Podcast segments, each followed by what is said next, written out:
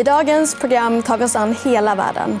Vi pratar USA, Europa och även några svenska bolag. Välkomna till EFN Marknad. Och med oss för att reda i dagens ämne har vi ingen mindre än globalförvaltaren Johan Svan från Nordea. Välkommen. Tack så mycket. Tack. Eh, ja, dagens tema det är alltså globala bolag. Eh, och det har du jobbat med ganska länge. eller hur? Det har jag gjort. Det börjar bli längre än vad man vill kännas vid. Ja. Jag har hållit på i 20 år med aktier och sånt där. Ja. Mm. Mm. Hur kom du in på det här spåret? Eh, jag började som analytiker på säljsidan, så på mäklarsidan. sen så för ja, ett tiotal år sedan, eller 15 år sedan är det nu då, mm. fick jag chansen att gå över till köpsidan och hålla på med aktier. Och då hade jag turen att det blev globalt helt enkelt. Och sen mm. dess har det varit det. Ja, för du förvaltar ju nu då sedan några år tillbaka Nordea Global Stars. Det stämmer. Eh, hur ser fonden ut idag? Ehm, ja, men det är en global ESG-fond eh, som investerar då över hela världen, inklusive eh, utvecklingsländer. Och eh, som då har en, ett mål att dels generera riskfri, riskjusterad avkastning till våra andelsägare men även att investera för att främja olika eh, vad vi kallar för SDG, alltså Sustainable Development Goals mm. som FN har satt upp, alltså ESG-målsättningar för att försöka göra världen lite, lite bättre. Då.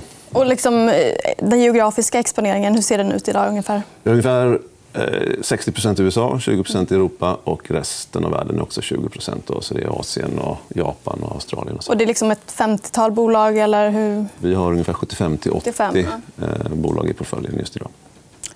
Just det. Alltså för en utomstående så kan det verka ganska svårt att liksom ha så breda mandat att kunna investera över hela världen. Ehm, hur gör du för att hitta bolagen? Vi försöker hålla en hög diversifiering. Så vi försöker hitta bolag som vi tror på långsiktigt och ha en bred bas i portföljen eller vad man ska säga, med ett ganska stort antal bolag i olika sektorer och regioner. Mm. Ehm, och där vi försöker hitta bolag då som vi tror har någon stark konkurrensfördel som kommer att gynna dem över tid. Och så där. Eh, och det ger oss den här diversifieringen då, så att vi, kan, så vi slipper vara exponerade mot risker som vi inte tycker om. Mm. Och sen så har vi ungefär en tredjedel av portföljen som vi hit, försöker hitta i bolag som är lite mer ska man säga, case-orienterat eller lite större positioner där vi verkligen tror att marknaden har fel i sin värdering av det här bolaget och där vi tror att vi kan tjäna lite extra pengar genom att äga de bolagen. Då. Eh, och då får vi den här basen och så får vi den här lite Krydda. Liksom. Kryddan, ja, precis. Ja, vi kommer in på lite case eh, senare. Eh, men vi pratade om det att du har ganska stor andel amerikanska bolag. Mm. Ehm, och den rapport, rapportsäsongen i USA är igång. Och vad är ditt intryck så här långt? Det är lite blandat. Ehm, som vi alla vet så har det varit en enormt stark konjunktur i mm. USA framför allt, men i hela världen. Eh, och det har ju berott på att centralbankerna har stimulerat och det har berott på att eh, även det som vi kallar för fiscal stimulus, alltså penningpolitik eh, och vad säger man? finanspolitik mm. har varit väldigt expansiv också. Man har helt enkelt delat ut pengar till folk för att konsumera. Och det som vi ser i USA nu tror jag är liksom slutfasen på den här väldigt, väldigt starka ekonomin. Så vissa bolag har fortfarande en väldigt bra marknad, växer kraftigt stora prisökningar vilket gynnar deras marginaler. och så där. Men det börjar komma in små, små sprickor här och var där, där man ser att eh, vissa bolag får det lite tuffare. Då. I, är det några särskilda sektorer du tänker på? Jag tänkte att du har, som jag såg det i, eh, här, i datan att eh, några av fondens största innehav är Microsoft och Alphabet. Ja, eh, det är det ju. Eh, de är stora i benchmark också. Ja. Och de har ju varit sådana där bolag som har klarat sig ganska bra ganska länge in i den här liksom, konjunkturnedgången som vi har sett i IT. Då. Eh, det har följt ungefär samma mönster som det gjorde på dotcom-bubblans tid 2000. Det första som händer är att de här små, dyra olönsamma bolagen faller kraftigt. och Sen så blir det lite mer vad ska man säga, mellanstora bolag. Man tänker sig Paypal eller Netflix. och de här. Och så Till slut då så drabbar det även eh, Google och eh, Microsoft. Och det såg vi då mm. egentligen förra året. Mm. Eh, så vi tror väl att den här liksom, en stor del av den här värderingsnedgången i IT ligger antagligen bakom oss. Okay. Men konjunkturnedgången har i själva ekonomin den har inte riktigt börjat än. Och det är det vi börjar se tecken på tror jag, i, i den här rapportsäsongen. Då. Ja, vi har med oss en annan graf här. Ehm, det är två, det är grossist och eh, uthyrningsbolag. Du får berätta lite här. Ja, nej, men, eh, när vi förvaltar så försöker vi hitta som jag sa, anomalier eller saker i marknaden som vi inte tycker riktigt stämmer överens. Så här har vi ett sådant exempel. Eh, Den här grafen visar den blåa linjen. Det är ett av de bolagen vi har i portföljen som heter Fastenal. Som är en grossist och distributör som säljer till byggen och industribolag i USA. Då. Eh, Och bland annat så då ger de oss månadsdata, eh, eller marknaden får månadsdata från de som berättar hur försäljningen går. Och den här blåa grafen visar hur deras försäljning går till non-residential construction-området som är en stor del för dem. Då. Alltså byggarbetsplatser helt enkelt som bygger skolor och vägar och sånt där. Och då ser man att den där har varit i kraftig expansion under ett år och nu på slutet så har eh, tillväxten börjat bli negativ. Då, så den sista datapunkten där är för december förra året. Eh, Om man då jämför det med den gula grafen som är eh, ett annat industribolag som vi har haft åtminstone i portföljen, United Rentals. Ja. Jättefint bolag som jobbar med att hyra ut anläggningsmaskiner till byggen och, eh, och, och andra industriapplikationer. Som grävmaskiner och sådana här saker.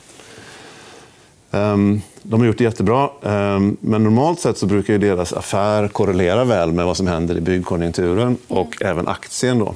Och det vi ser i den här grafen är att mot slutet, här, de sista månaderna eller de sista två kvartalen egentligen, så har aktien plötsligt vänt kraftigt uppåt samtidigt som konjunkturen har försvagats. Och det, då får man ett sånt här krokodilgap som vi tycker är lite intressant då, att försöka utnyttja på något sätt. Och I vårt fall då så har det lett till att vi har sålt ut våra sista United Rentals-aktier för vi tror att de har nog gått lite för bra på slutet. här. Då. Och eh, letar vi placeringar någon annanstans istället. Är det generellt din bild av eh, den här börsuppgången vi har sett i början av året? Att den kanske är lite... Eh, inte riktigt motiverad? Då?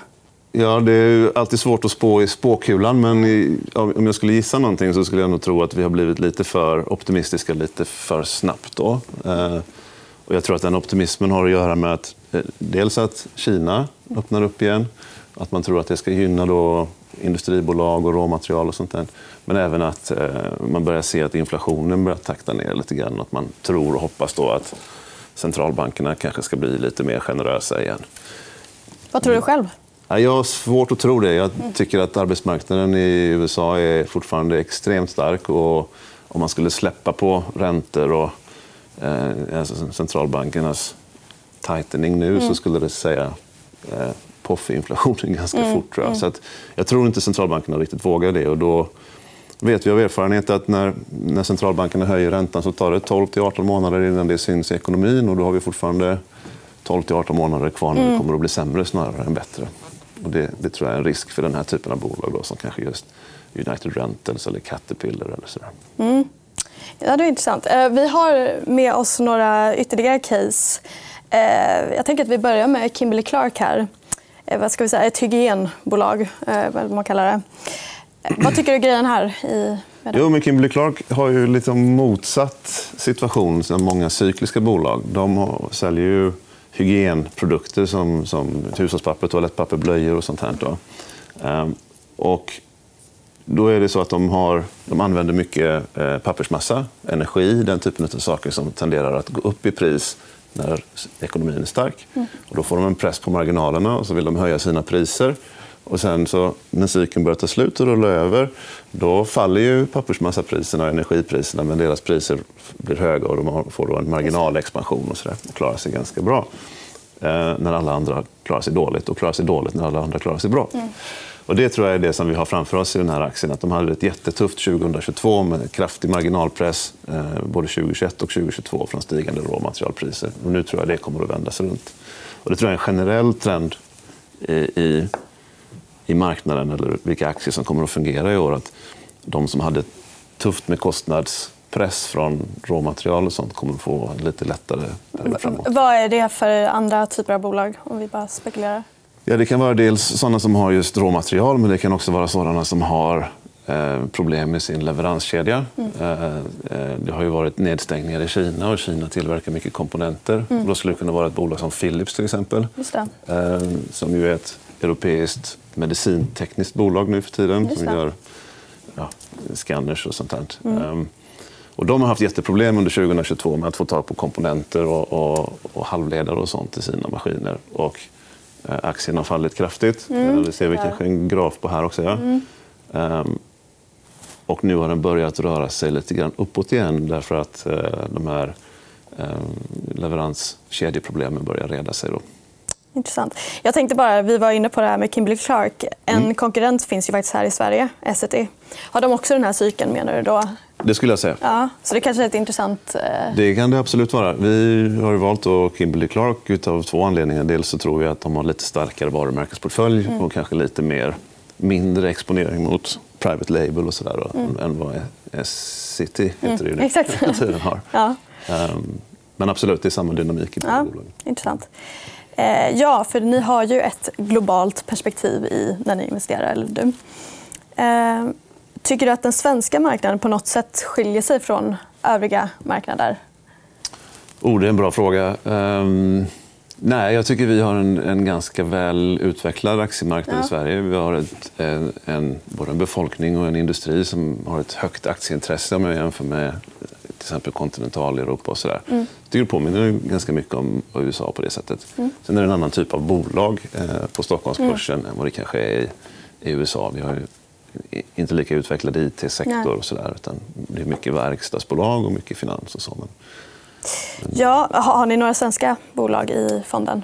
Vi har väl ett par stycken, lite mer än vad som skulle vara eh, givet enligt Benchmark. Vi äger ju eh, Autoliv eh, till exempel och Epiroc som är ett svenskt verkstadsbolag också. Just det. Ehm, ja, jag tänkte att vi skulle avsluta lite med lite tankar kring konjunkturen och börsen då, eh, 2023. Vad tror du? du verkade ju inte så övertygad om att räntorna skulle ner i alla fall. Eller? Eh, ja, det beror på vilka räntor du menar. Jag tror Ja. att de korta räntorna åtminstone kommer stiga lite till. Eh, sedan vet vi, om man tittar på historiska förlopp så brukar det vara så att börsen får tufft att bottna ut innan den första räntesänkningen kommer. Och, och faktum är att om man tittar på riktiga recessioner så, så är det ofta inte förrän den första räntesänkningen har kommit som börsen liksom börjar falla ordentligt. Eh, därför att då är ekonomin så pass dålig att till och med centralbankerna har förstått att det är fara och färde. Ja. Och då, då är det risk att folk blir oroliga. Vi vet inte om vi kommer att komma därhän eller om vi får en mycket mildare, Nej. grundare recession ännu. Utan det, det återstår att se. Då. Men, eh, jag tror man ska vara lite försiktig. Samtidigt så kan vi se på börsen att det finns väldigt många billiga bolag där ute som inte har stigit i takt med, eh, med de här konjunkturkänsliga bolagen. Så det finns nog hopp också. Vad tänker du generellt kring liksom centralbankernas räntehöjningar? Är det liksom... eh, Jag, jag pratade med någon idag som sa att det var ett experiment. Eh, Det är också de här snabba höjningarna nu. För Vi har pratat om att det var ett stort experiment, eh, de sänkningar som har varit. Jag får lite känslan av att man kör bil på en väg och så får man sladd och så försöker man häva sladden och så svänger man kraftigt åt det hållet och sen så blir det mer sladd och så svänger man ännu kraftigare åt andra Ja. hållet. Den dynamiken tycker jag mig kunna se lite. Att man stimulerade på tok för mycket under pandemin och nu måste man dra åt kraftigt eh, för att kunna få bukt med inflationen. Då. Sen beror det på vad man i slutändan vill ha för typ av inflation. Man säger att man vill ner under 2% men samtidigt så tror jag att många stater skulle tycka om att ha lite inflation och på så sätt kunna inflatera bort sina stora statsskulder. Så att, Vi får se var vi landar, men, men ehm, det, det, Va- va- Vad ser du för största risk nu här eh, för 2023? Eh, Det är, lite, det är lite svårt, men eh, tror du att inflationen fortfarande kommer liksom ligga och spöka? Eller? Nej, jag tror inflationen är två delar. Det finns en strukturell inflation och så finns det den här liksom mer cykliska som vi har fått tack vare pandemin. Den kommer att försvinna, den delen. Den strukturella inflationen tror jag kommer att vara högre de närmaste tio åren än de tio åren vi har i backspegeln. Därför att eh, eh, arbetsmarknads, eller arbetskraftsutbudet i västvärlden krymper. och så där. Det brukar vara att driva inflation. Och så har vi lite mindre handel och så har vi lite energiomställning som kostar pengar. och Så, där. så det kommer att vara lite högre inflation troligen. Och det tror jag vi kan leva med eh, eh, och behöver inte nödvändigtvis vara ett problem. Utan om vi får problem på aktiemarknaden i år så beror det på att konjunkturen blir svagare än vad man tror. Där tror jag den största risken är att man får en eh, negativ överraskning på tillväxten. Har ni liksom, eh, positionerat om fonden någonting? Jag tänker med just den här geografiska exponeringen. Har ni ändrat eh, där någonting? Vi har flyttat lite pengar från USA till Europa mm. för att den europeiska marknaden är billigare mm. och föll kraftigare tidigare. Eh, men det är på marginalen. Eh, och vi har tagit en lite mer defensiv hållning. Så vi har lite mer defensiva bolag än vad vi normalt har. Men det är återigen på marginalen. Då. Vi försöker vara långsiktiga i våra investeringar. Och, och sådär. Men på marginalen så flyttar vi runt lite grann. Och vi pratade lite om så här, recession och krisläge. Finns det någon marknad som, ser, som du ser som extra liksom, riskfylld eller, eller extra eh, stabil nu? Nej, egentligen inte. Det som brukar hända eh, om, om, man får en sån här eh, kraftig nedgång det är ju att, att pengar går tillbaka till stabilare valutaregimer. Så Japan, och Schweiz och USA brukar klara sig lite bättre än kanske tillväxtmarknader och Europa och sådär.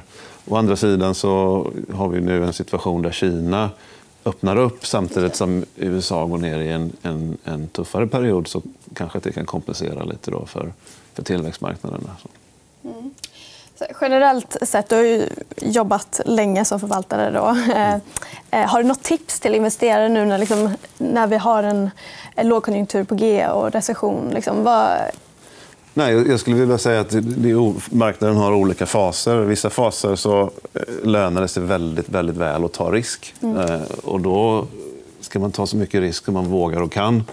Eh, I andra faser av marknaden så handlar det mycket mer om att försöka ja, vad säger man på svenska? Preserve capital, alltså mm. behålla det kapitalet man har och investera lite säkrare. Och då kan man investera i bolag som har kanske stabila verksamheter eller kanske har en hög direktavkastning. Som, eh, eller om man har pengar som man kan vara långsiktig, att man liksom successivt petar in mer och mer pengar eh, när marknaden, om marknaden går ner. Då. Mm. Så det är väl den typen av tips man skulle kunna ge. Då.